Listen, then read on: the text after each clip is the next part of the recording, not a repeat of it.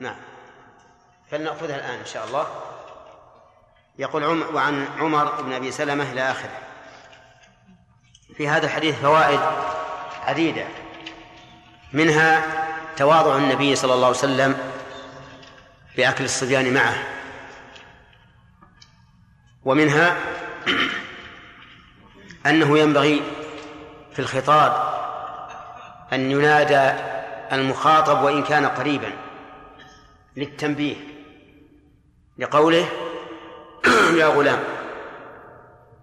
إذ من الممكن أن النبي أن النبي صلى الله عليه وسلم ينبهه بدون أن يناديه لكن النداء يوجب تنبه المخاطب. ولهذا جاءت بصيغة ياء التي ينادى بها البعيد بخلاف أي التي ينادى بها القريب. فالقريب تقول أي زيد. والبعيد تقول يا زيد.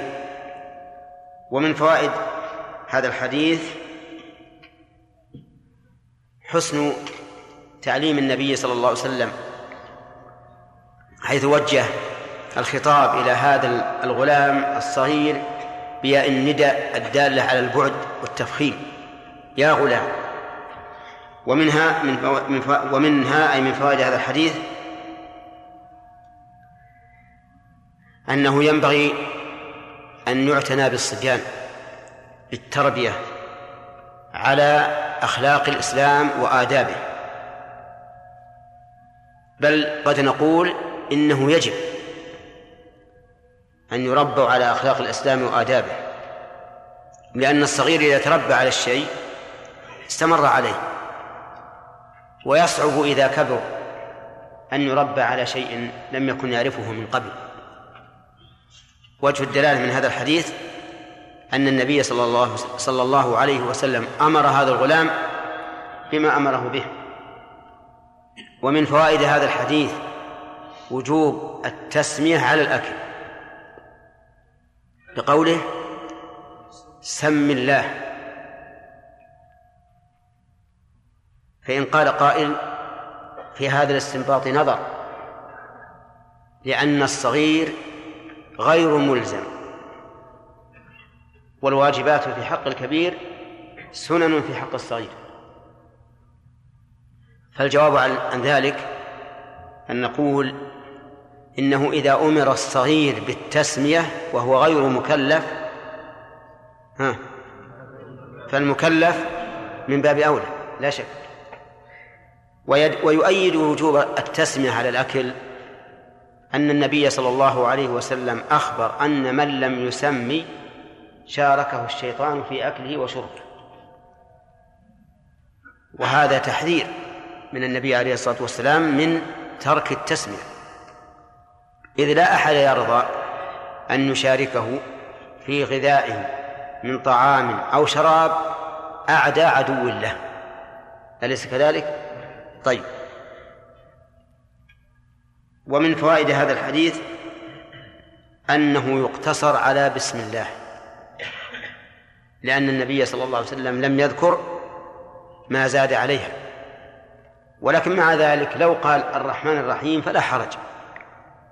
ما لم يعتقد قصور السنة وأنه يريد أن يكملها بزيادة الرحمن الرحيم. فإن اعتقد ذلك كان إيش؟ خاطئا. ومنع من ذلك. لكن لو قالها على سبيل التعبد لله بها لا على أن السنة قاصرة فلا حرج. لأن مثل هذه الأمور مما جرت المسامحة فيه. ومن فوائد هذا الحديث وجوب الأكل باليمين. لقوله كل بيمينك. والأمر للوجوب. ويرد على هذا الأمر ما ورد على الأمر بالتسمية ويجاب عنه إيش؟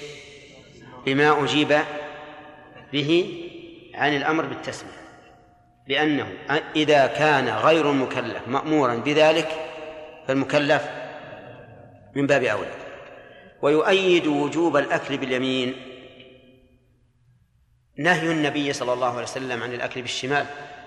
والشرب بالشمال وإخباره بأن الشيطان يأكل بشماله ويشرب بشماله. وقد ذكرنا أثناء التفسير أو الشرح الحديث أن ذلك ينقسم إلى أقسام. أولا أن يخالف هذا الأمر لعذر أي أن يأكل بشماله لعذر. فهذا إيش؟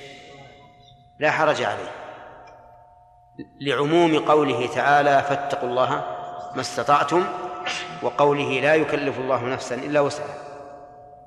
وقول النبي صلى الله عليه وسلم إذا أمرتكم بأمر فأتوا منه ما استطعتم. طيب الثاني أن يتركها تهاونا أن يترك الأكل باليمين تهاونا فهذا محرم. الثالث أن أن يتركها كبرا. فهذا من كبائر الذنوب. لأن النبي صلى الله عليه وسلم دعا على الذي قال لا أستطيع أن آكل بالشمال ما منعه إلى الكبر. فقال له لا استطعت؟ نعم. أي أنا دعا على الذي لا قال لا أستطيع الأكل باليمين. ما منعه إلى الكبر دعا عليه فقال لا استطعت فلم يرفعها إلى فيه بعد ذلك. ومن فوائد هذا الحديث فضيلة اليمين حيث خصت بالأكل وكذلك بالشرب. وقد ذكر أهل العلم رحمهم الله قاعدة فقالوا الأشياء ثلاثة أقسام أذى وخير وما لا أذى فيه ولا خير. فالأذى تقدم له اليسرى؟ ولذلك يستنثر الإنسان باليسار. ويستنجي باليسار. ويمسك ذكره ليلصقه بالأرض أو يقربه منها إذا كانت صلبة بإيش؟ باليسار. ويقدم رجله اليسرى عند دخول الخلع. ويقدم اليسرى عند الخلع خلع الثياب والسراويل فهي تقدم للأذى وتقدم اليمنى للخير. ولما ليس بأذى ولا خير. أما تقديمها للخير فهو منقبتها وأما تقديمها لما لا خير فيه ولا أذى فهو لشرفها وفضلها على إيش؟ على اليسار. طيب. ومن فوائد هذا الحديث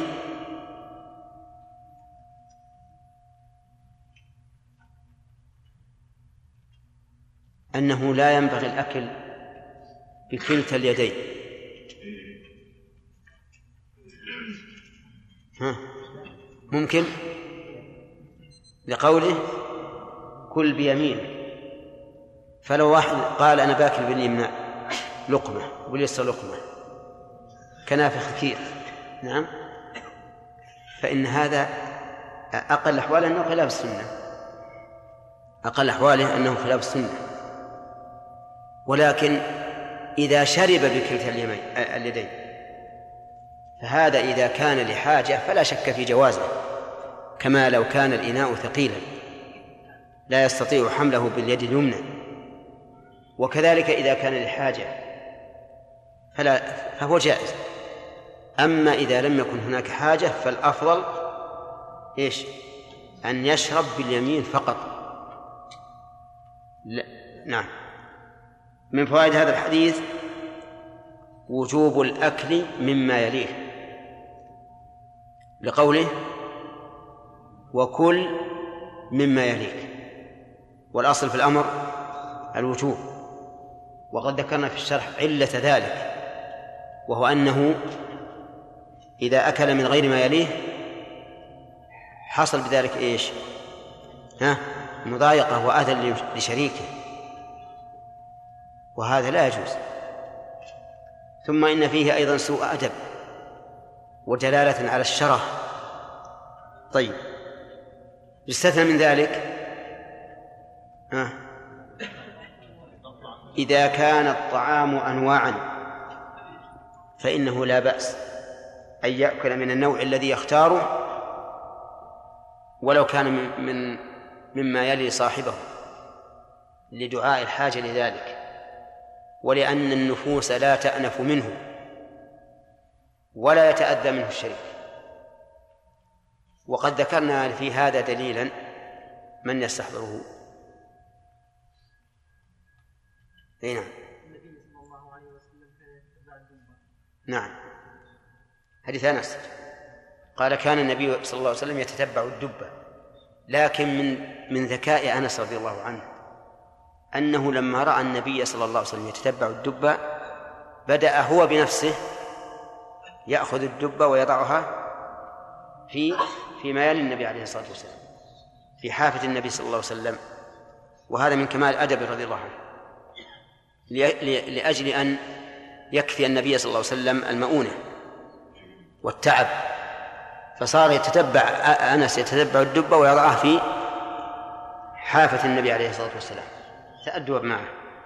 طيب.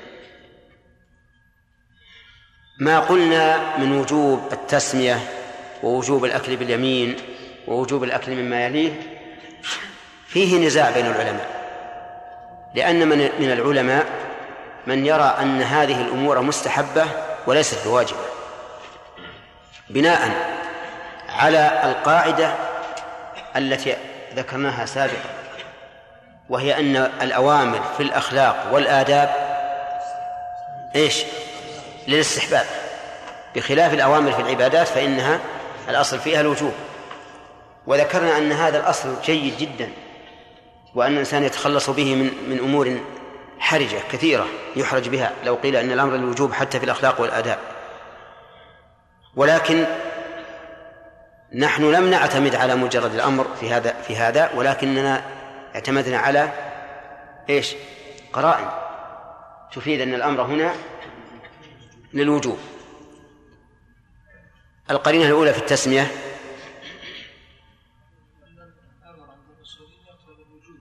لا لا. نبي على الأصل الثاني اللي قال أن الأخلاق للاستحباب. مشاركة الشيطان. والثاني الأكل باليمين له قرينة تدل على الوجوب. نعم. بن داود. نعم. ويشرب بشماله. والثالثة لها قرينة تدل على الوجوب. تأذي الغير وإحراجه ومضايقته. وأصل أذية المسلم. ها؟ أين صلاة التحريم أما الحديث ابن عباس فهو أيضا لم نأخذ فوائده. ها؟ وشرحناه. فمن فوائد حديث ابن عباس رضي الله عنهما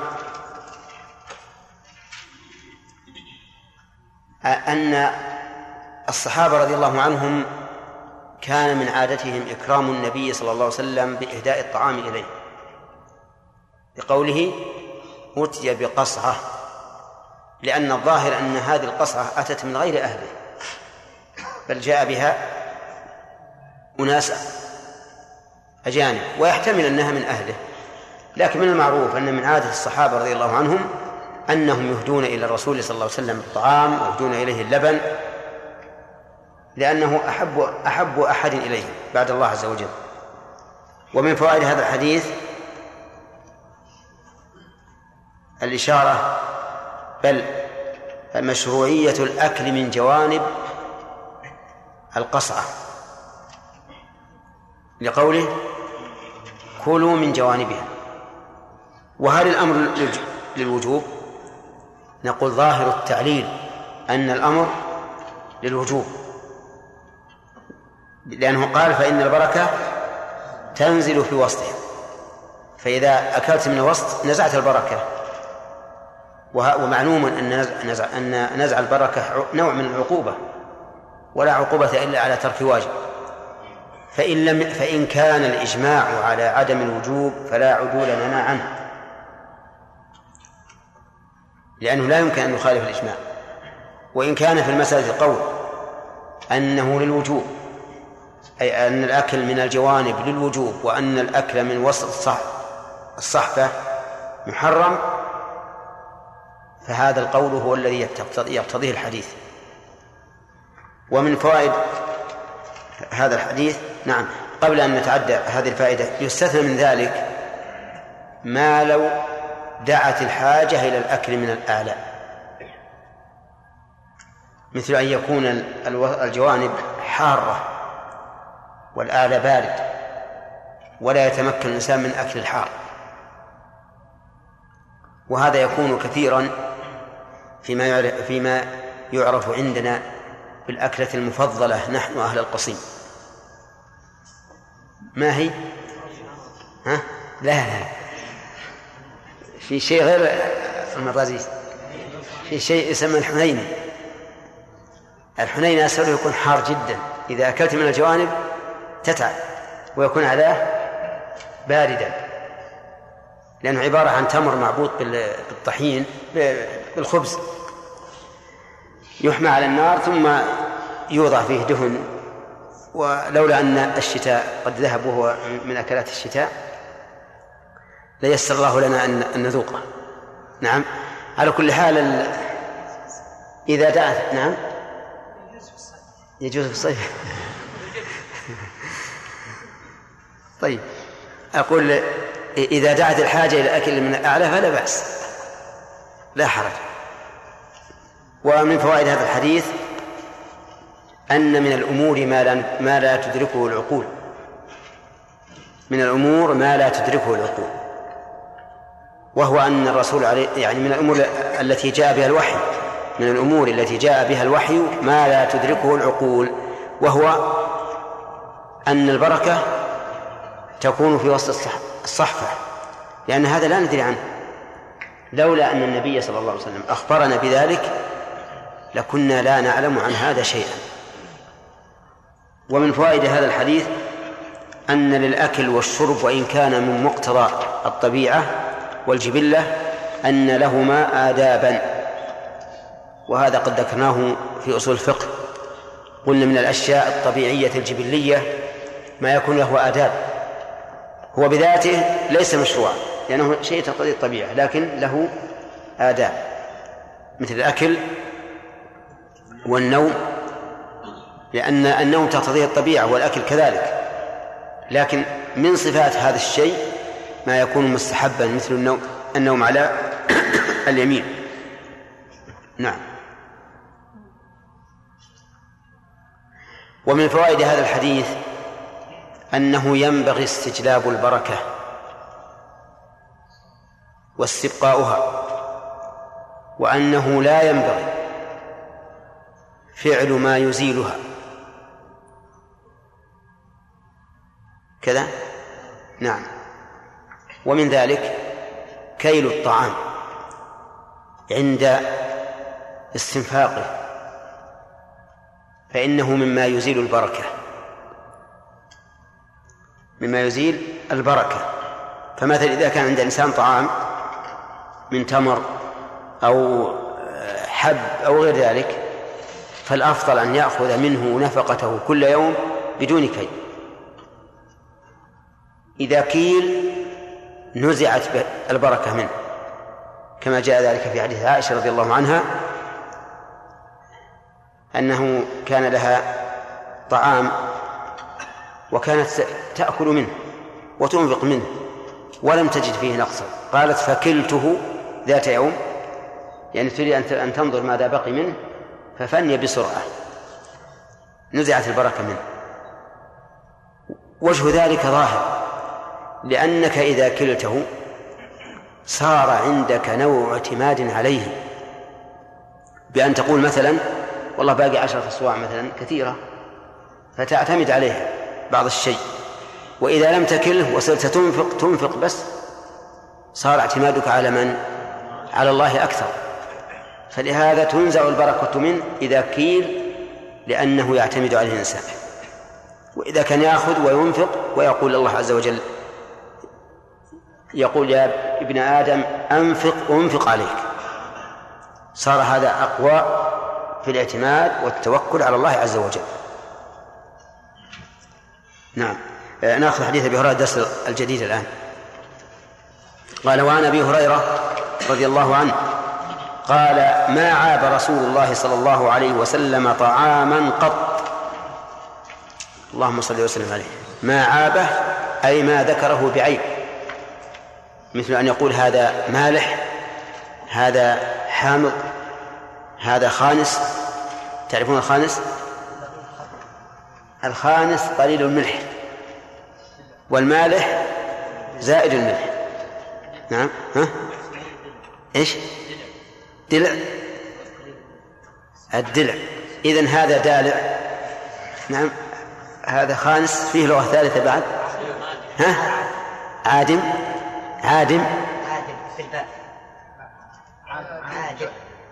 عادب ها عادم. ها؟ في لغة رابعة. ها؟ سامج. خلاص يكفي. أربع لغات. فيها خير على كل حال يعني الرسول عليه الصلاة والسلام لا يذكر طعاما بعيب إطلاقا. سواء كان العيب يعود إلى الصنعة أو يعود إلى نفس الطعام. أحيانا يقدم للإنسان فاكهة. منظرها حسن وجميل ويجذب. ومطعمها ردي فتجد يعيبها. يعيبها. يقول هذه مثلا تغر هذه منافق وما أشبه ذلك. يغر بظاهره وباطنه سيء. هذا خلاف هدي النبي عليه الصلاة والسلام. طيب وقوله ما عاب طعاما هل يشمل هذا صنعة الطعام أو الطعام أو يختص بالطعام نفسه؟ الظاهر الثاني. وأن الإنسان إذا عاب صنعة الطعام من أجل تقويم أهله في الصنعة فلا بأس به. مثل أن يقول لأهله اليوم العشاء مالح قدمتم الملح. العشاء حار تأخرتم في إيش؟ في أي نعم. تأخرتم في طبخه نعم. آه الشاهي مر وما أشبه ذلك فشلتونا عند عند الضيوف. نعم هذا لا بأس به لأن العيب هنا لإيش؟ للصنعة أو للصانع وليس للطعام. ثم قال بين هدي النبي صلى الله عليه وسلم عليه كان إذا اشتهى شيئا أكله وإن كرهه ترك تركه لا إذا اشتهى شيئا أكله على ما هو عليه. وإن لم يشتهيه ها؟ تركه. تركه ولم يقل شيء. وبهذا يستريح الإنسان. يستريح من الهم والحزن. إذا قدم الطعام إن اشتهيته فكل وإن كرهته فلا تأكل. يستفاد من هذا الحديث عدة فوائد. أولا أن من هدي النبي صلى الله عليه وسلم ترك عيب الطعام. لقوله ما عابد طعاما قط. ثانيا أنه ينبغي للإنسان أن يأكل ما يشتهي وأن لا يكره نفسه على أكل ما لا يريد. لقوله إذا اشتهاه إذا اشتهى شيئا أكله وإن كرهه تركه. فأنت عود نفسك. لا تأكل إلا ما تشتهي. وما لا تشتهيه اترك.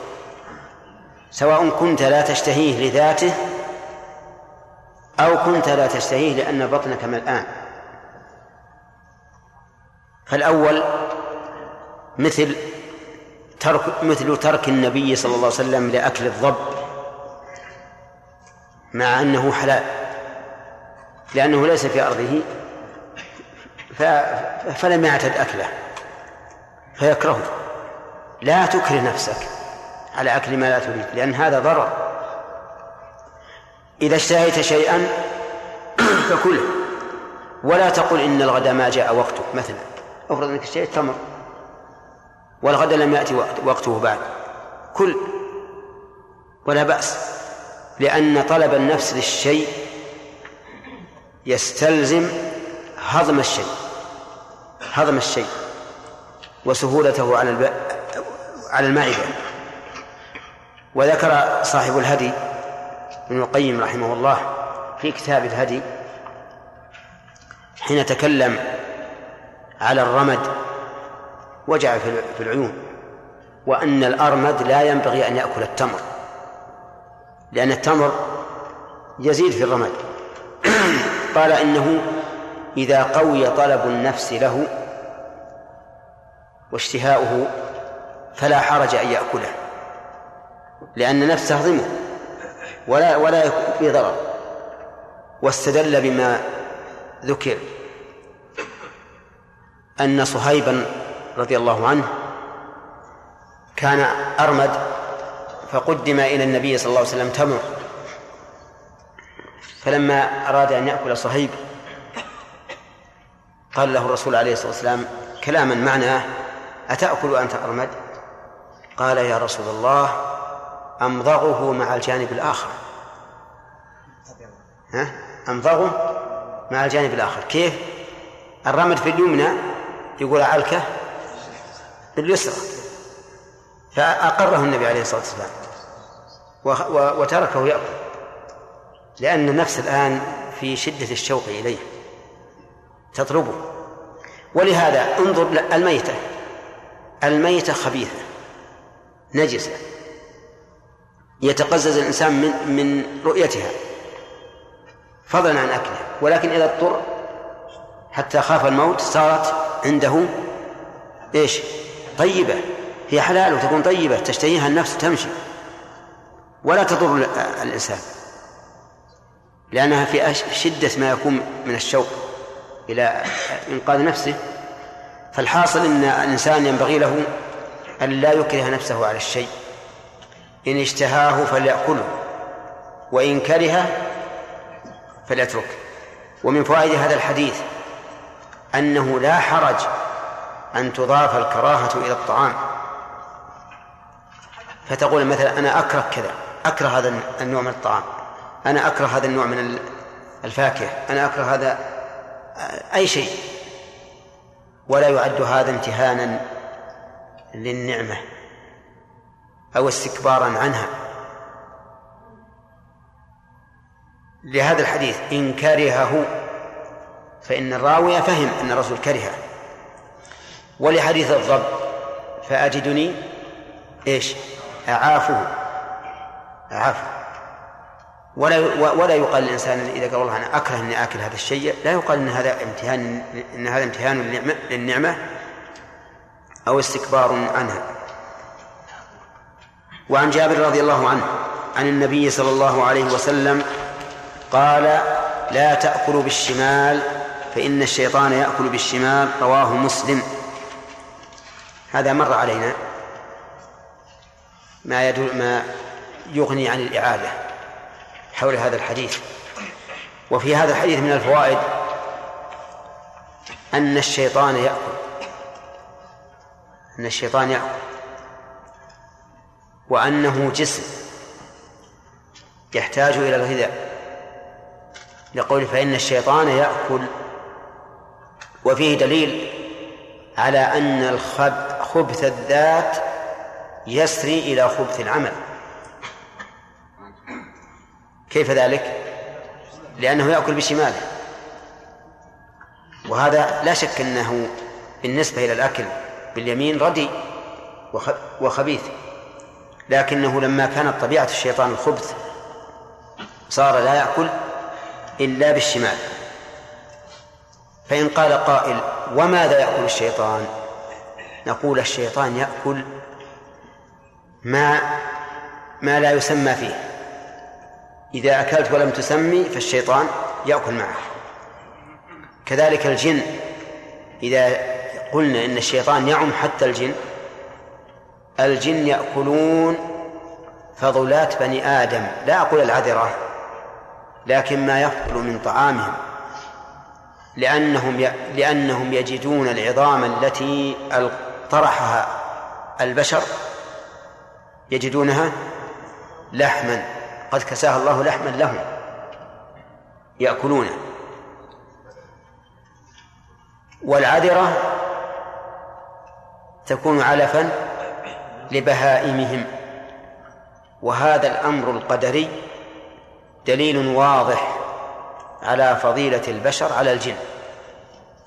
والأدلة في هذا كثيرة لكن هذا منها. ومن فوائد هذا الحديث النهي عن مشابهة الشيطان. كذا؟ عجيب جميع نعم. لأن الرسول نهى وعلم أن الشيطان يأكل بالشمال. وإذا كان وإذا كنا منهيين عن مشابهة الشياطين في الأفعال ففي الإضلال من باب أولى. فالحريص على إضلال الناس والعياذ بالله مشابه للشياطين. والذي يضل الناس عن الذكر ذكر الله عز وجل مشابه للشياطين. فتجد بعض الناس مثلا يهم بأمر ولنقل يهم أن يصلي فيجي زميله يقول تعال امشي انت مشي امشي انت مشي فيذهب معه ويضيع الوقت عليه وهو يريد أن يصلي لولا هذا الذي أضله فكل إنسان يحول بين الشخص وبين طاعة الله عز وجل وعبادة الله فإن فيه تشبها بالشيطان الذي يضل. طيب يقول ومن فوائد هذا الحديث حكمة النبي صلى الله عليه وسلم في التعليم. من أين تؤخذ؟ أنه لما ذكر الحكم ذكر علته. ذكر علته. وقرن الحكم بالتعليل لا شك أنه من حسن التعليل. لأننا نحن إذا سمعنا الرسول صلى الله عليه وسلم يقول أو قرأنا في كتاب الله ما يقول سنقتنع بالحكم سواء علمنا العلة أم لم نعلم إن شاء الله تعالى. لكن إذا جاءت العلة إيش؟ ازداد الإنسان إيمانا وقبولا. ازداد إيمانا وقبولا لا شك. والإنسان بشر. فها هو إبراهيم قال رب أرني كيف تحيي الموتى؟ قال ولم تؤمن؟ قال بلى ولكن ليطمئن قلبي. فإذا قرن الحكم بالتعليل ازداد الإنسان طمأنينة وقد ذكرنا فوائد قرن الحكم بالتعليل فمن منكم يستحضرها؟ نعم أنت يا خالد. أولا القياس يعني إمكان قياس نعم. نعم. والثاني بيان سمو الشريعة. ثالث. ثالث. نعم. الشريعة وإمكان القياس.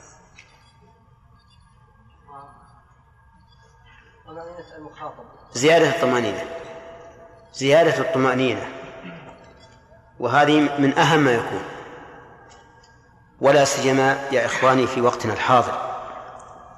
الناس الآن مع الأسف أوتوا جدلا. وأعني بالناس كثيرا منهم لا كل الناس. أوتوا جدلا. لو ذكرت لهم الحكم الشرعي يحتاج إلى إمداده بالتعليل الذي هو الدليل العقلي. لهذا أنا أحث الطلبة على أن يكون لديهم علما بالتعليل الذي هو الدليل العقلي من أجل إقناع المجادلين. من أجل إقناع المجادلين. وأنتم لا تظنوا أن كل الناس مسلمون لقضاء الله الشرعي. أقول لقضاء الله الشرعي لماذا؟ لأن قضاء الله الكوني كل مستسلم له. مستسلم مو مسلم مستسلم. ولله يسجد من في السماوات ومن في الأرض. طوعا وكرها. هذا السجود الكوني. فأقول كثير من الناس لا يسلم لقضاء الله الشرعي أو لا يطمئن على الأقل إلا بما بما يسنده من الدليل إيش؟ الدليل العقلي. فأنا أحث طلبة العلم على معرفة أسرار الشريعة وحكمها. ليزدادوا إيمانا بها وليقنعوا غيرهم بما تقتضيه أدلتها من الأحكام الشرعية. ومن فوائد هذا الحديث إثبات أن للشيطان شمالا. صح؟ وله يمينا؟ إي نعم. أن له شمالا لقوله يأكل بشماله. وأن له يمينا لأن الشمال يقابلها اليمين. فله يمين وشمال لكنه يختار الشمال لأنه خبيث فاختار الأخبث من العضوين. ومن فوائدها فوائد الحديث أن الشياطين أجرام. الشياطين أجرام. خلافا لمن قال إن الشياطين هي قوى الشر والملائكة قوى الخير. وقد قال بذلك من ينتسب للإسلام. يقول ما في ملائكة هي أجسام؟ الملائكة هي قوى الخير. والشياطين قوى الشر. ولا فيه طير أبابيل أرسلت على أصحاب الفيل. ما فيه. وإنما هو الجدري أصابهم. فهو عبارة عن الفيروس. الذي أصابهم حتى أهلكهم. سبحان الله. هذا والعياذ بالله قول خاطئ ضال. القادر على أن يخلق كل شيء قادر على أن يرسل طيرا أبابيل ترمي بحجارة. ترمي بحجارة من سجيل وتضرب الإنسان من رأس من أم رأسه حتى تخرج من دبره. هكذا جاء في الأخبار. ولا مانع من ذلك. العقل لا يمنع. العاقل ربما يحار فيه لكن لا يمنعه. والله أعلم. نعم.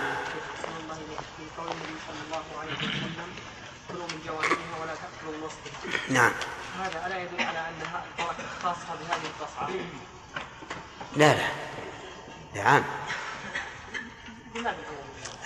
حتى حتى مثلا لو قدم لنا قصعة فإن الأكل من الجوانب لأن الأصل في الأحكام الشرعية العموم ولهذا لم يقل كلوا من هذه القصعة ما عينها لكن قوله كلوا من جوانبها أي نعم النبي صلى الله عليه وسلم يعني حصره البركة في الطعام بينما نحن لا نرى أن البركة تحصل في طعامه كيف؟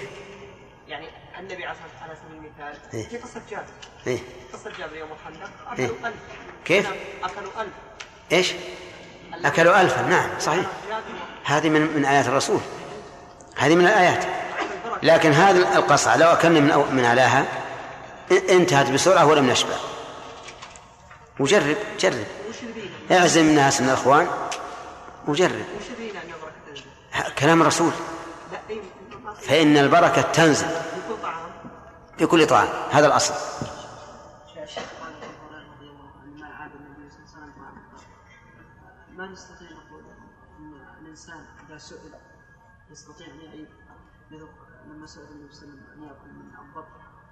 قال اعاف نعم.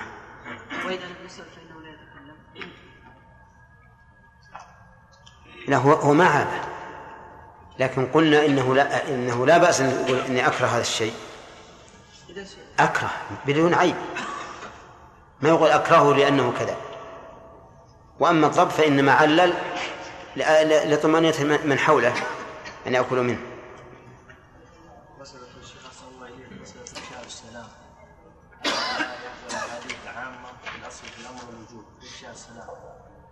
نقيس على كل من كل من جوانبها ولا تأكل من وسطها التفصيل الذي ذكرته في مسألة إفشاء السلام كيف؟ أن الأحاديث والآيات الأصل في الأمر الوجوب أين؟ هل نقيس في كل من جوانبه التفصيل؟ كيف؟ الإجماع ما ماذا نقول؟ يعني إفشاء السلام واجب واجب إيه، لأن تركه يؤدي إلى البغضاء والعداوة نعم. يعللها النبي صلى الله عليه وسلم؟ نعم. يجوز أن نقول شيء أدلة عقلية؟ إيش؟ أعد أعد من السؤال. التعليلات التي يعللها النبي صلى الله عليه وسلم. يجوز أن نطلق عليها أنها أدلة عقلية؟ هنا نعم. لكنها أدلة عقلية شرعية. فإقرار رسول لها شرع. وكون العقل يؤيدها عقل. نعم. إيش؟ يذهب البركه نعم. والله ظاهر مثله. لو كان واحد مثلا معد إنه حاط له كيس صار كل ما أخذ منه ريال عد الباقي. فأخشى إنها تنزع البركة منه. لكن خلها على الله خرج حتى انتهي ويبارك لك فيه. نعم. شاكر.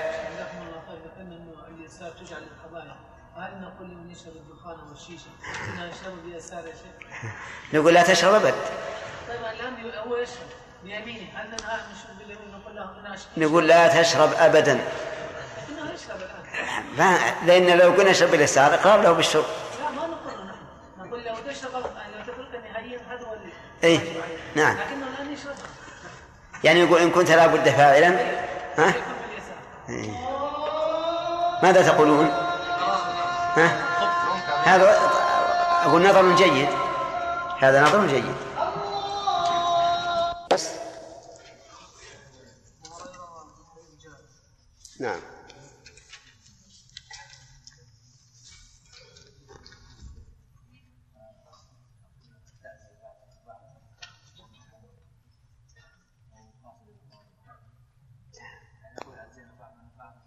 المصاب. التعزية للمصاب. سواء من الأقارب أو من غير الأقارب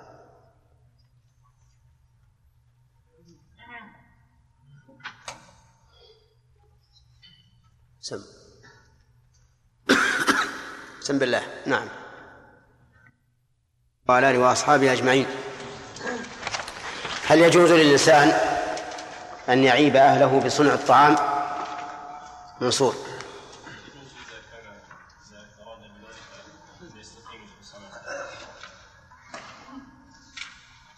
يجوز ها؟ أن يعيب أهله بصنع الطعام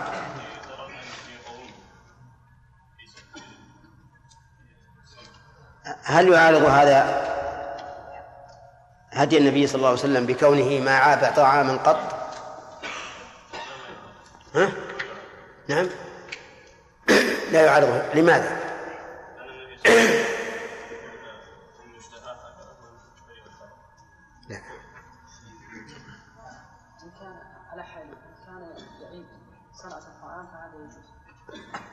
نعم.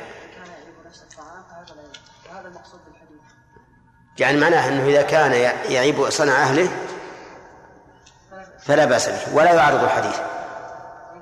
أما إن كان يعيب الطعام نفسه فهذا خلاف هدي النبي صلى الله عليه وسلم. تمام. هل الشيطان يأكل يا خالد؟ يأكل؟ ما الدليل؟ قول فإن الشيطان يأكل بشماله. طيب.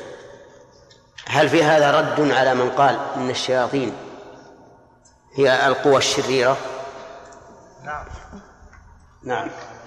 لأنه يأكل بالشمال والشمال خبث وهم أكل أكل أكل بالشمال أكلا خبيثا. وهم خبثاء والشرير هو الخبيث. يمكن ياكل اكل أكل طيب. يمكن ياكل حلاوة ولا خبز. ولا لأنه نهى عن اكلهم السؤال الآن من الناس من يقول ليس هناك شياطين؟ وإنما الشياطين هي عبارة عن القوى الشريرة. القوى الشريرة أو قوى الشر هي الشياطين. فهل في الحديث رد عليهم؟ أنهم يأكلهم جسم يأكلون. آه تمام. لأن القوى صفة ومعنى. والذي يأكل جسم. نعم ولهذا لو يأكل وله شمال أيضا. هل يؤخذ من الحديث يا إمداد كراهة التشبه بالشياطين؟ لأن النبي صلى الله عليه وسلم جعل علة المنع من الأكل بالشمال أن الشيطان يأكل بالشمال نعم. إذا معناها أننا لا نتشبه بالشيطان. فكل ما عمل ما كان من عمل الشيطان فإننا لا نتشبه به. طيب. هل يؤخذ منه كراهة التشبه بالكفار؟ من هذا الحديث؟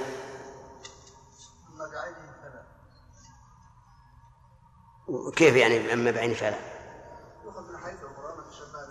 لا لا دعنا من هذا ما هو أنا ما أسأل عن الحكم أسأل هل يؤخذ هذا الحكم من هذا الحديث؟ يمكن أن يؤخذ كيف ذلك؟ حيث أن الشيطان كافر والتشبه بالشيطان تشبه بالكافر وقد نهى النبي عن التشبه به وقد نهى النبي صلى الله عليه وسلم عن التشبه به. طيب. كيف نأخذ من هذا الحديث عبد الله عامر؟ حسن تعليم النبي صلى الله عليه وسلم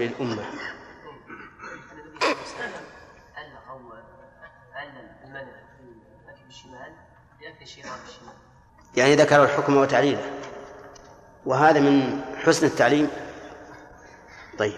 يا سليم ما هي الفائدة أو الفوائد من ذكر التعليل أو من قرن التعليل بالحكم؟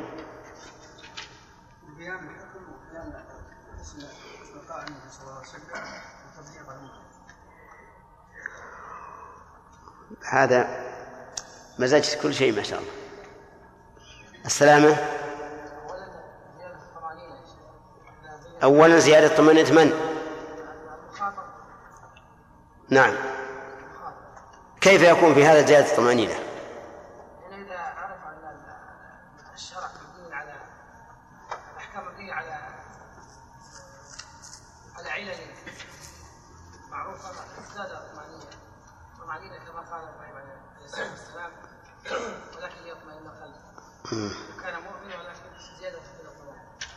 هذه واحدة.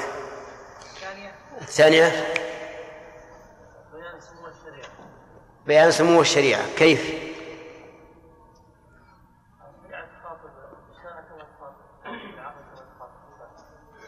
يعني إذا عرفنا أن الأحكام الشرعية كلها لها أسرار وحكم دل هذا على أن الشريعة مبنية على المصالح ودفع المفاسد.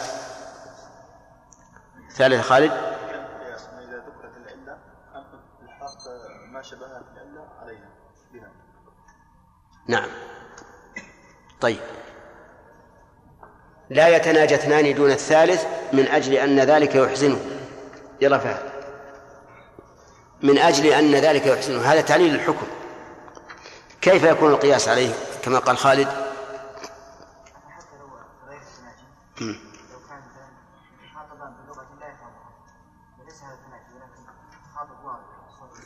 يعني يقاس عليه أن كل ما يحزن المؤمن نعم. فإنه منهي عنه. كذا ولو بغير التناجي. صحيح يا جماعة؟ طيب.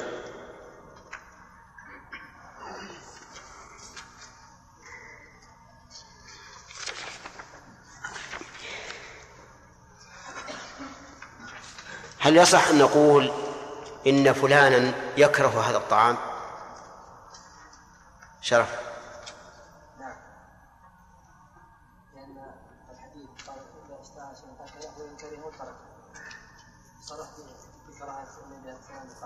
نعم. النبي عرض عنده قال اشتعال نعم. صحيح؟ طيب. نأخذ آخر الباب.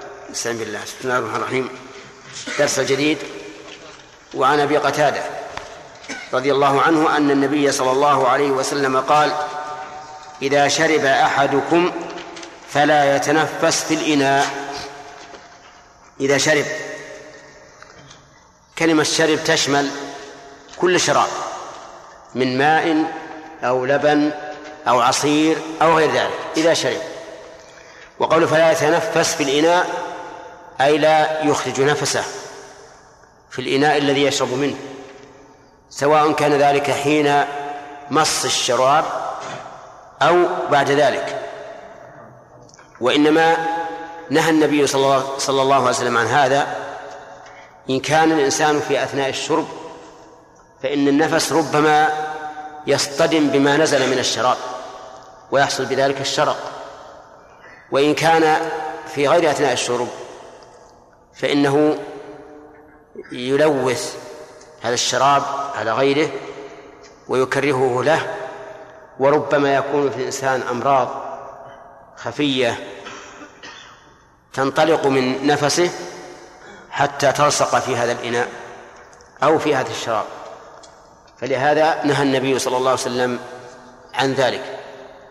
ثم إذا كان التنفس في أثناء الشرب فإنه يشبه الحيوان لأن الحيوان كثيرا منه يتنفس وهو يشرب. وبعض الحيوان لا يتنفس وهو يشرب.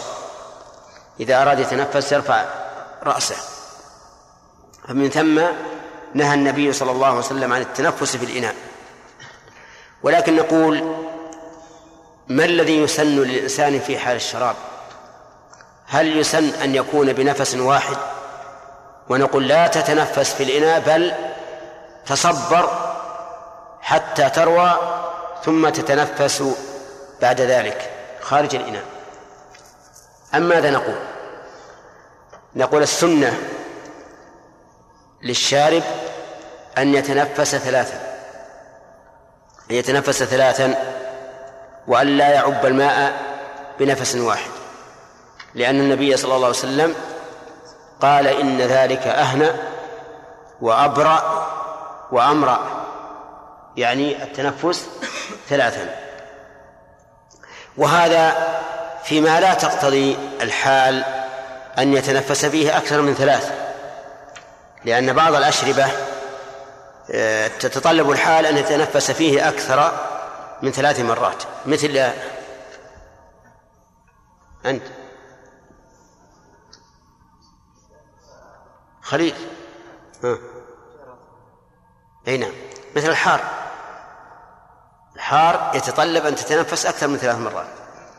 وكذلك البارد الشديد البرودة فإنه يتطلب أن تتنفس أكثر من ثلاث مرات لأنك تأخذ الجرعة ثم تبقيها في فمك حتى تتبع قليلا ثم تنزلها. فلكن الشراب العادي يتنفس الإنسان فيه ثلاث مرات هذا هو هو السنة.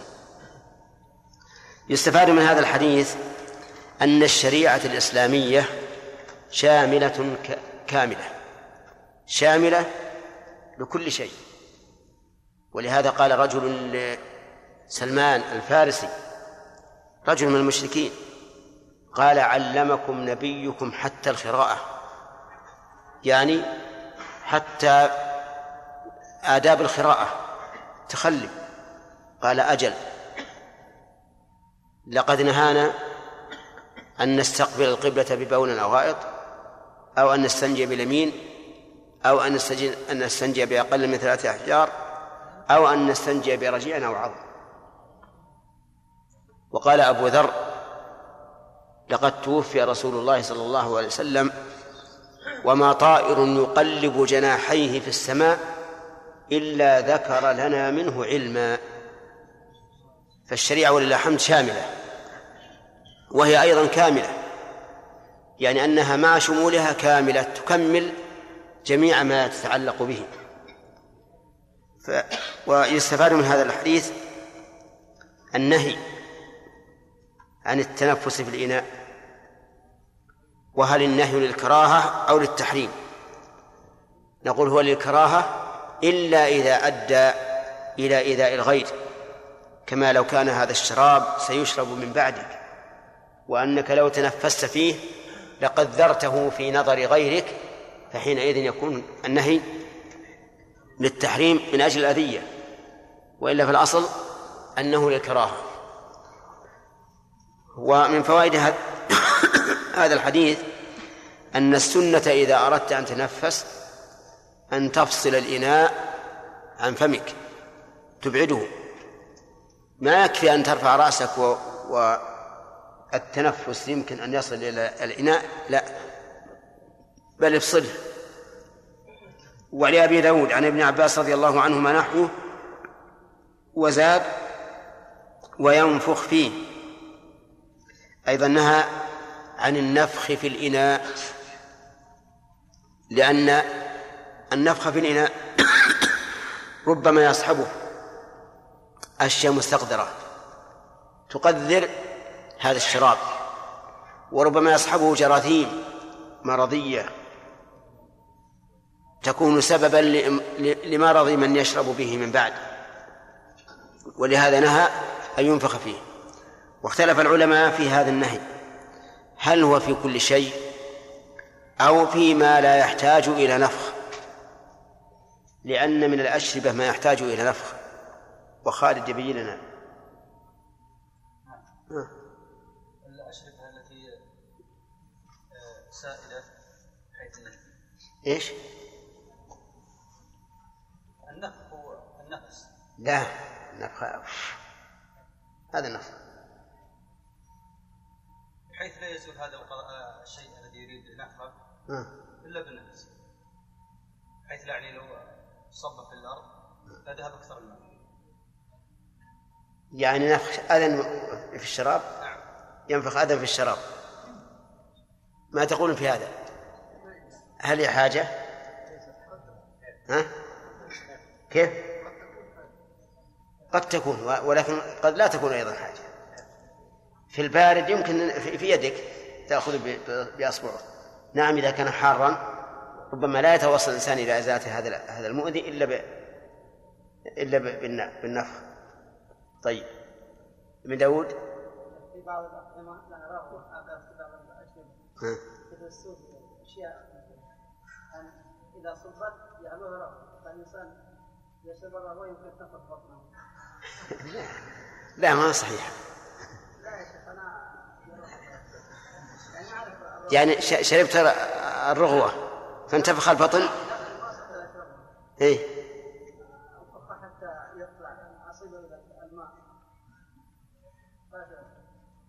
والله ما هذا ها. ثم الرغوة أيضا إذا إذا نفختها ما تروح تتمايز زين يضع الإنسان فمه خلاص يدخل على كل حال هي المسألة ما ما ما مقرونة أو منوطة بالح- بالحاجة. إذا احتيج إلى ذلك لكون الشراب حارا وهو مستعجل. أحيانا يكون الشراب حارا وهو مستعجل يخاف من فوت الجماعة مثلا أو من فوت رقته أو ما أشبه ذلك. ولا يمكنه أن يخضخض الشراب لأنه إذا خضخضه يبرد لا شك. لكنه قد لا يكفي خضخضته فهذه حاجة. ولكن مع هذا نقول إذا كان نفخه يوجب أن يستقذره من يشرب بعده فلا ينفخ. فلا ينفخ. ما تقولون في نفخ المرأة لصبيها؟ لأن بعض النساء تأخذ اللقمة لتطعمها الصبي وتكون حارة فتنفخها لتبرد له. هذه أيضا حاجة. هذه حاجة. ولكن إذا علم الإنسان من نفسه أن به مرضا معديا فإنه لا يفعل. لا لا يضر غيره. والمسألة ليست إلا إلا وقتا فقط. يعني أن الشيء سيبرد بس ينتظر شوي. ثم قال المؤلف باب القسم. الدرس القادم إن شاء الله سيكون مراجعة في الباب.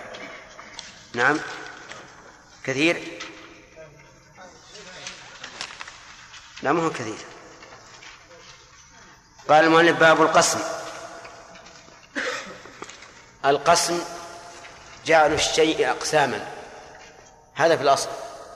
تقول قسمته أقسمه قسما أي جعلته أقساما.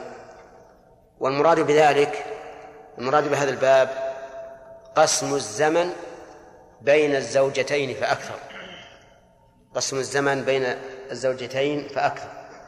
أي أن تجعل لهذه يوما ولهذه يوما أو لهذه يومين ولهذه يومين حسب ما يتفقان عليه. يقول عن عائشة رضي الله عنها قالت كان النبي صلى الله عليه وسلم يقسم لنسائه فيعدل. ويقول اللهم هذا قسمي فيما أملك فلا تلمني فيما تملك ولا أملك. رواه الأربعة وصححه ابن حبان والحاكم. ولكن رجح الترمذي إرساله. كان يقسم لنسائه وذلك بأنه عليه الصلاة والسلام كان يجعل لهذه يوما ولهذه يوما للصغيرة والكبيرة منهن. فيقسم لسودة ويقسم لعائشة. عائشة الصغيرة وسودة كبيرة. ولما أحست سودة بأنه سيطلقها وهبت يومها لعائشة وبقيت رضي الله عنها من أمهات المؤمنين. وقولها فيعدل أي يعدل بين نسائه في هذا القسم فلا يميل إلى واحدة منهن بل يسير سيرا عدلا ليس فيه ميل لهذه ولا ولا لهذه. ويقول مع كونه يعدل عليه الصلاة والسلام يقول اللهم هذا قسمي فيما أملك. يعني من العدل. وهو يملك عليه الصلاة والسلام أن يجعل لهذه يوما ولهذه يوما. وكل إنسان يملك هذا. فلا تلمني فيما تملك ولا أملك. يعني لا لا تلحقني يا ربي لوما تعاقبني به. فيما تملك ولا أملك. وهو الحب. فإن المحبة لا يملكها الإنسان وإنما الذي يملكها الله عز وجل. ف فالمحبة لا يمكن للإنسان أن يعدل فيها بين النساء. وذلك لأن هذا شيء يلقيه الله في قلب الإنسان ولا يمكنه أن يتخلص منه. ولا يمكن أن يعدل بين النساء. وقد كان معروفا عند نسائه وعند الصحابة أن النبي صلى الله عليه وسلم يحب عائشة أكثر من غيرها حتى إنه سئل عن ذلك من أحب الرجال إليه قال أبو بكر. قال ومن النساء؟ قال عائشة.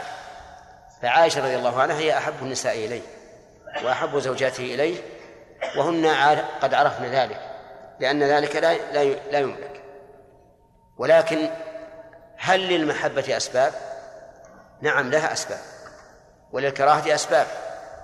فمن أسباب المحبة إفشاء السلام. إفشاء السلام بين المسلمين من أسباب المحبة. قال النبي عليه الصلاة والسلام والله لا تدخل الجنة حتى تؤمنوا ولا تؤمنوا حتى تحابوا. أفلا أخبركم بشيء؟ إذا فعلتموه تحاببتم أفشوا السلام بينكم.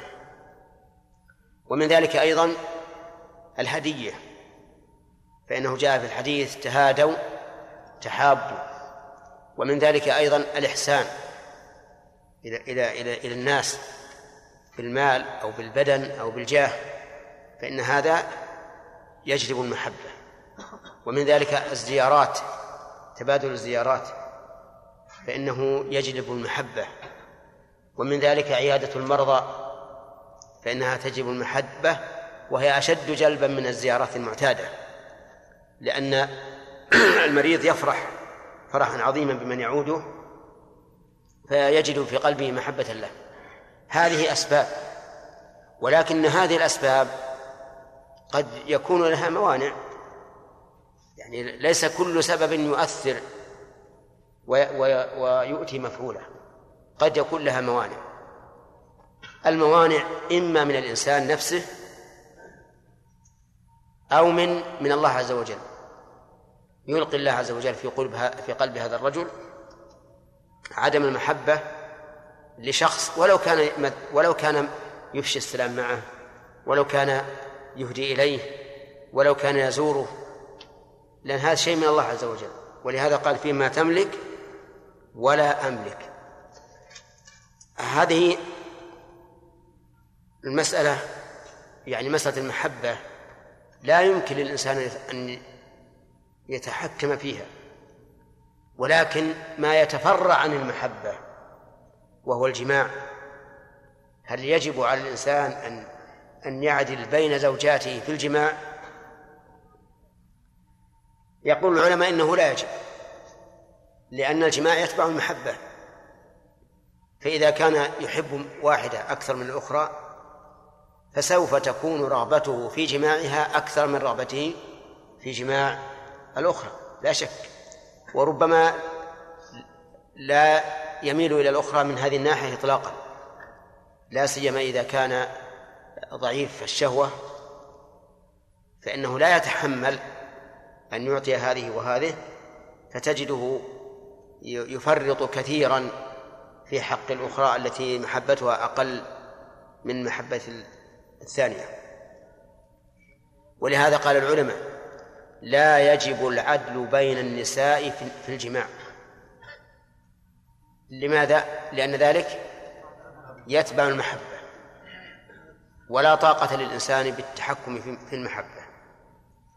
ولكن الصحيح في هذه المسألة أنه قد يمكن العدل في الجماع.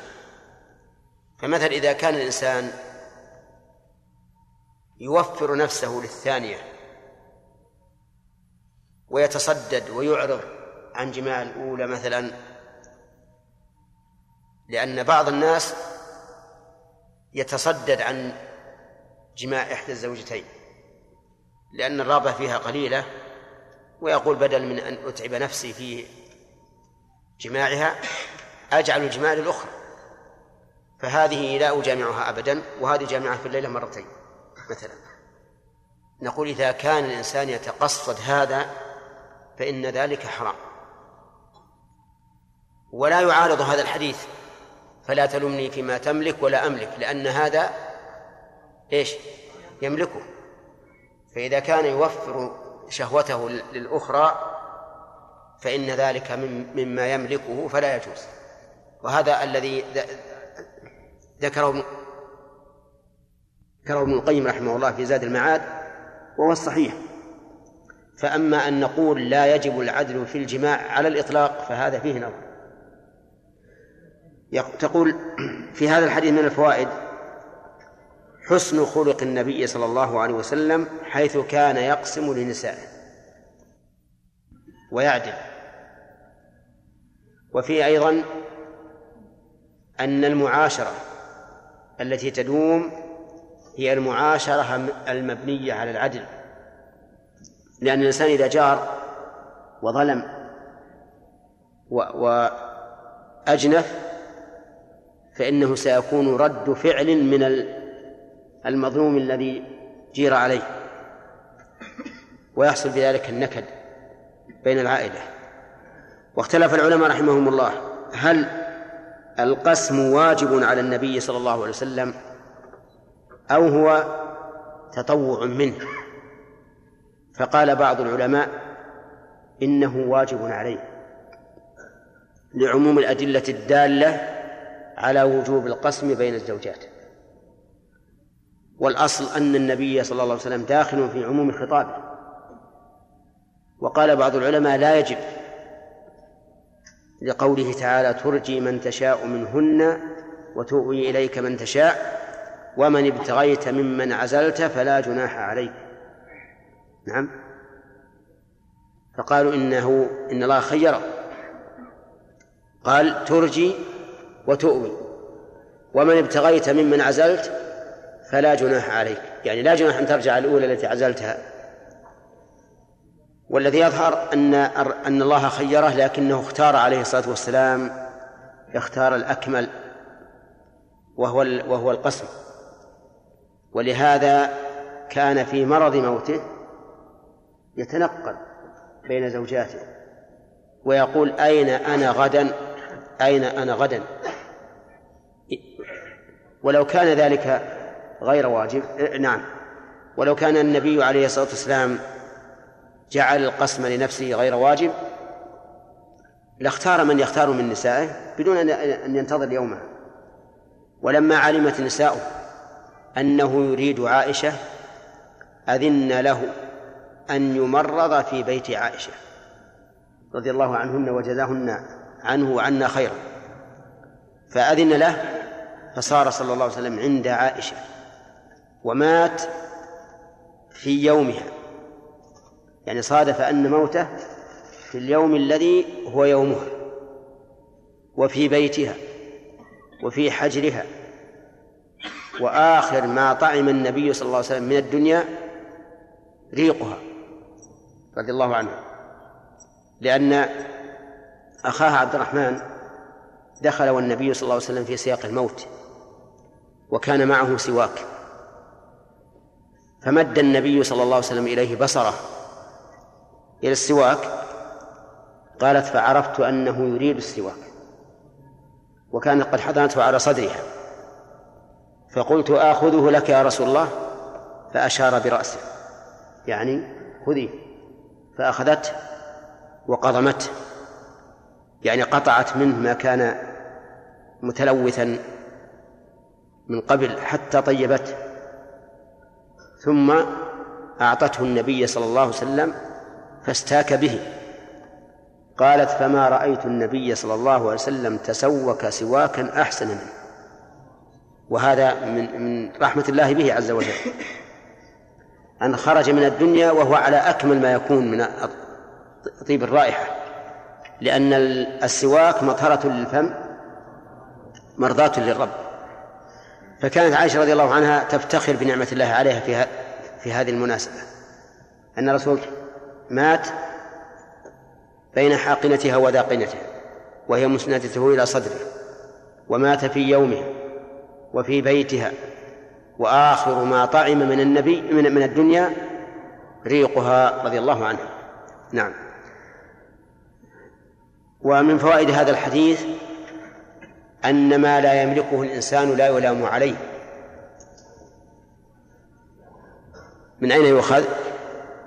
من قوله فلا تلمني فيما أملك فيما تملك ولا أملك. ولكن ربما ينازعنا منازع في أخذ هذه الفائدة. ويقول إن النبي صلى الله عليه وسلم دعا أن الله لا يلومه ولو كان غير مكلف به ها ما احتاج إلى الدعاء. ولكننا نقول إنه قال قال ذلك وإن كان محققا فإن المحقق قد يدعى بوجوده لتحقيقه وتثبيته. فها نحن الآن نقول اللهم صل على محمد. والله يقول في كتابه إن الله وملائكته يصلون على النبي. إذا فالصلاة عليه آه محققة. سواء دعونا أم لم ندعو. ولكن هذا من باب زيادة التثبيت والتحقيق. فيكون قوله لا تلمني فيما تملك ولا أملك مع أنه مع أن الإنسان غير ملوم عليه من باب التحقيق. تحقيق ما أثبته الله عز وجل للعبد. ومن فوائد هذا الحديث أن المحبة لا يمكن للإنسان أن يتحكم فيها. لقوله فيما إيش؟ فيما تملك ولا أملك. يعني لا أملك أن أتحكم فيها وهي المحبة. ومنها من فوائد الحديث أن ما كان ناشئا عن المحبة من عدم العدل فإن الإنسان لا يلام عليه. لا يلام عليه. فمثلا الإنسان إذا كان يحب إحدى الزوجتين أكثر من الأخرى فإنه لا شك أنه يرتاح للمحبوبة عنده أكثر من إيش أكثر من الأولى حتى في المخاطبة والمكالمة والمداعبة وغير ذلك أليس هكذا؟ ولهذا تجد الأخرى التي يبغضها إذا تكلمت كأنما تضربه بالسهام والأخرى كأنما تلعقه العسل يرتاح للأولى ولا للثانية؟ ها؟ للثانية هذا من الأشياء التي لا يملكها الإنسان. ارتياحه لهذه المرأة التي يحبها أكثر هذا لا يملك.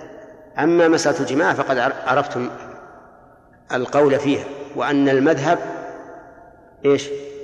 لا يجب العدل بين النساء فيه حتى لو أن الإنسان تعمد أن لا يجامع هذه في ليلتها ثم جامع الأخرى فلا إثم عليه ولكن الصحيح ما حرره ابن القيم رحمه الله أن الجماع الذي بوسعه يجب عليه العدل فيه. نعم.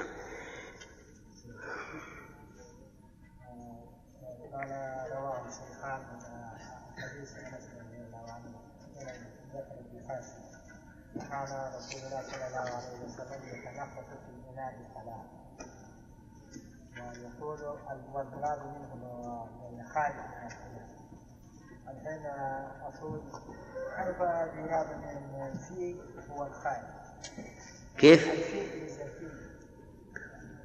آه.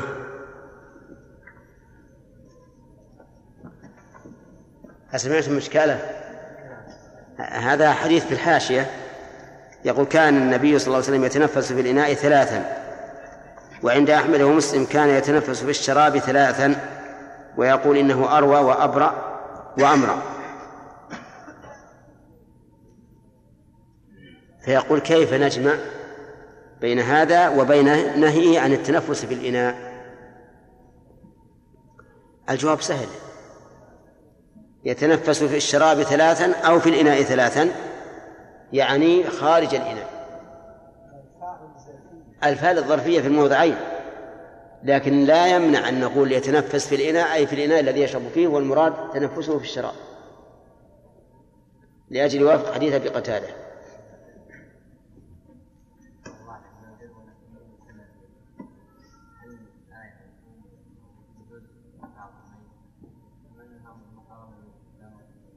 نعم. قال الله تعالى ولن تستطيعوا أن تعدلوا بين النساء. ولو حرصتم. هذا المنفي هو ما المحبة وما يترتب عليها. فلا تميلوا كل الميل المراد بكل الميل الذي كما قال الله فتذروها كالمعلقة. لا تصلون إليها ولا ولا تنزل إليكم. فيفهم من هذا أن الميل الناتج عن المحبة التي عن التي لا أن الميل الناتج عما لا نستطيع لا نؤاخذ عليه. نعم. نعم. يكون في كل ما يستطيع. كل ما يستطيع. ها؟ ما الحد؟ صور. يكون في القسم في الليل هذه لها ليلة وهذه لها ليلة. في الأكل الأكل أكل هذه مثل هذه. في الكسوة كسوة هذه مثل هذه.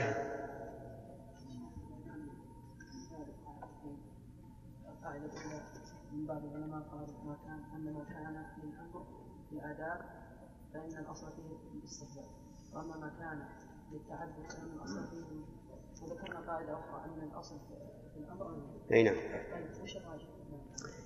المعروف عند الفقهاء عند الأصوليين أن الأمر للوجوب عند الإطلاق وعدم القرينة.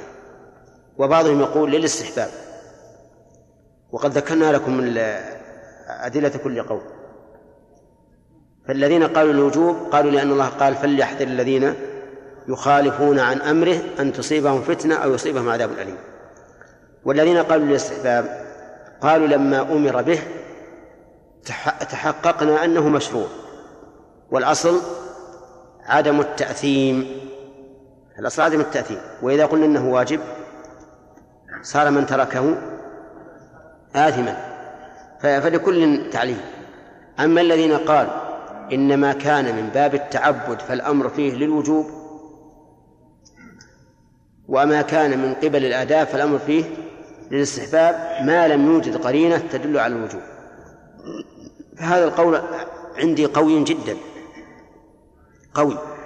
ولعله أقوى من القول بالوجوب مطلقا أو بالاستحباب مطلقا لأن هذا تفصيل شيخ احسن الله اليك رجل آه، تزوج اثنتين والقديمه مثلا قال لها آه، إما أن أطلقك أو آه، أن لا اجامعك وكان يجامع الثانية وليلة الأولى ما يأتي لا. ولكن آه، يعدل بينهما في النفقة. ما تقولون في هذا؟ يعني رجل يقول له زوجتان قديمة وحديثة. فقال للقديمة إن شئت أن تبقي عندي على ما جاءك مني من العدل وإن شئت طلقتك. فقالت أبقى عندك. أبقى عندك ويكفيني ما يأتيك ويكفيني منك ما يأتي منك. فهل يجوز له هذا؟ نعم. لا هو يبي يضره يبي يضره نعم نقول يجوز.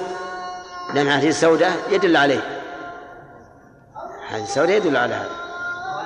الجماع؟ حتى لو اشترط عدد الجماع.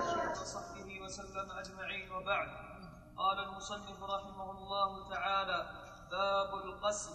عن عائشة رضي الله عنها قالت كان رسول الله صلى الله عليه وآله وسلم يقسم لنسائه فيعدل ويقول اللهم هذا قسمي فيما أملك فلا تلمني فيما تملك ولا أملك. رواه الأربعة فصححه ابن حبان والحاكم ولكن الترمذي إرساله. بسم الله الرحمن الرحيم. نقل المصنف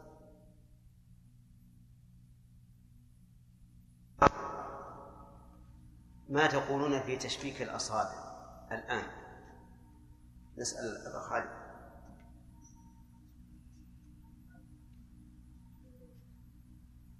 نعم. يقرأ ما ينتظر الصلاة. لمنتظر الصلاة. يكره لمنتظر الصلاة.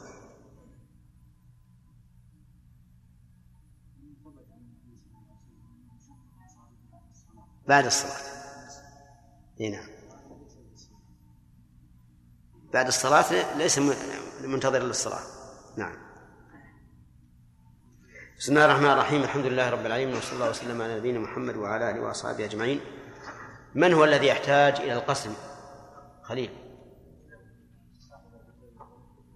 آه، من تزوج أكثر من واحدة. كذا؟ طيب. هل كان القسم واجبا على النبي صلى الله عليه وسلم أو لا؟ خالد لأن القسم واجب صلى الله عليه وسلم وغير الأدلة الدالة على وجود العدل وذهب بعض أهل العلم إلى أن القسم ليس بواجب بقوله ترجي من تشاء منهن وترجي إليك من تشاء ومن من عزلت من عزلت فلا جناح عليه ولكن الصحيح أن الله عز وجل الذي عز وجل خيره فاختار عليه الصلاة والسلام العدل والقسم فكان واجبا عليه من هذا الوجه. يعني معناه أنه هو الذي التزم بذلك. طيب ما هو الدليل على هذا؟ أن الرسول صلى الله عليه وسلم نعم. الرسول صلى الله عليه وسلم عندما كان في مرض موته كان يسأل نساءه أين هو عنه أين أنا غدا ها؟ وقال اللهم هذا قسمي يرحمك الله اللهم هذا قسم فيما أملك فلا تمل فيما تملك ولا أملك أحسنت. طيب.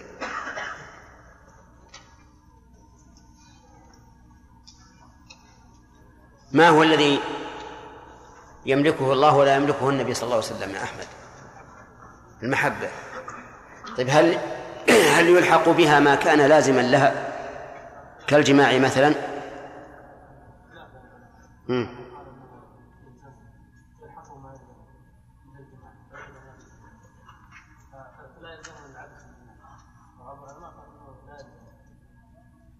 ما آه، ما- الرأيان لم ي- ينضجع أنضجهما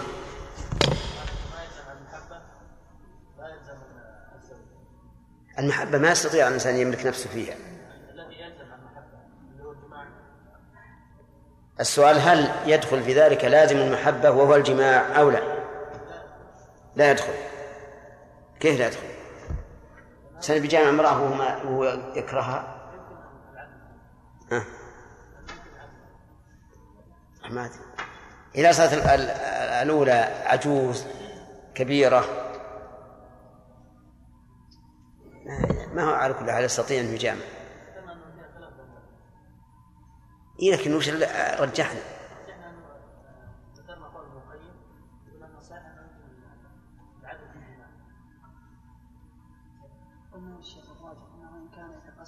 أي نعم.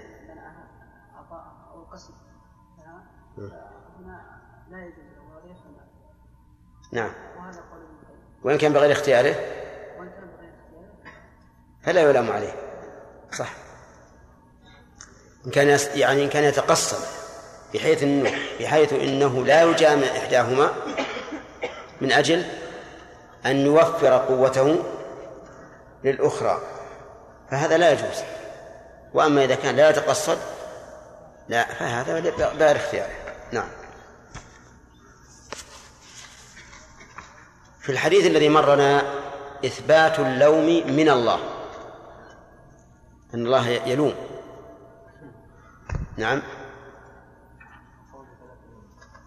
من من أجاب أنت؟ أنا أردت عبد المنان.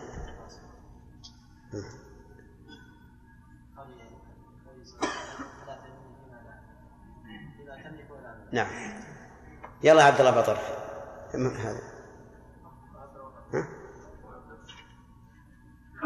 هل لوم الله من الصفات الذاتية أو الفعلية؟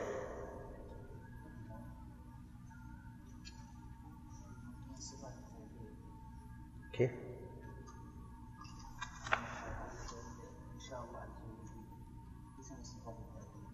من الصفات الفعلية؟ طيب علل.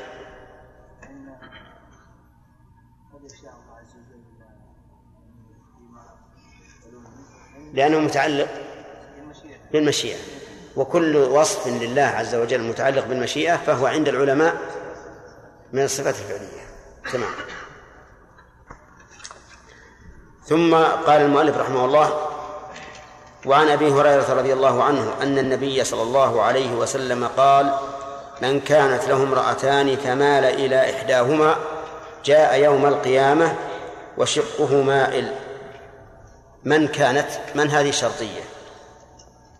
وفعل الشرط قوله كانت وجواب الشرط قوله جاء. وقوله جاء يوم القيامة يوم هذه ظرف والفاعل مستتر في قوله جاء. وقوله شقه مائل الشق الجنب والجملة هنا حالية من فاعل جاء. يعني جاء والحال أن شقه مائل. وقوله امرأتان أي زوجتان. ففي هذا الحديث يحذر النبي عليه الصلاة والسلام من الميل لإحدى الزوجات دون الأخرى. فيقول من كانت له امرأتان أي زوجتان. فمال إلى إحداهما جاء يوم القيامة فأشقه مائل وقوله مال يعني الميل الذي يلام عليه وليس الميل الذي لا يستطيعه. لقول الله تعالى ولن تستطيعوا أن تعدلوا بين النساء ولو حرصتم فلا تميلوا كل الميل فتذروها كالمعلقة. فقول مال إلى أحدهما أي ميلا إيش؟ يلام عليه. أي ميلا يلام عليه. جاء يوم القيامة يعني جاء إلى المحشر. محشر الناس وهو مائل الشق. يفضح بذلك عند الخلائق.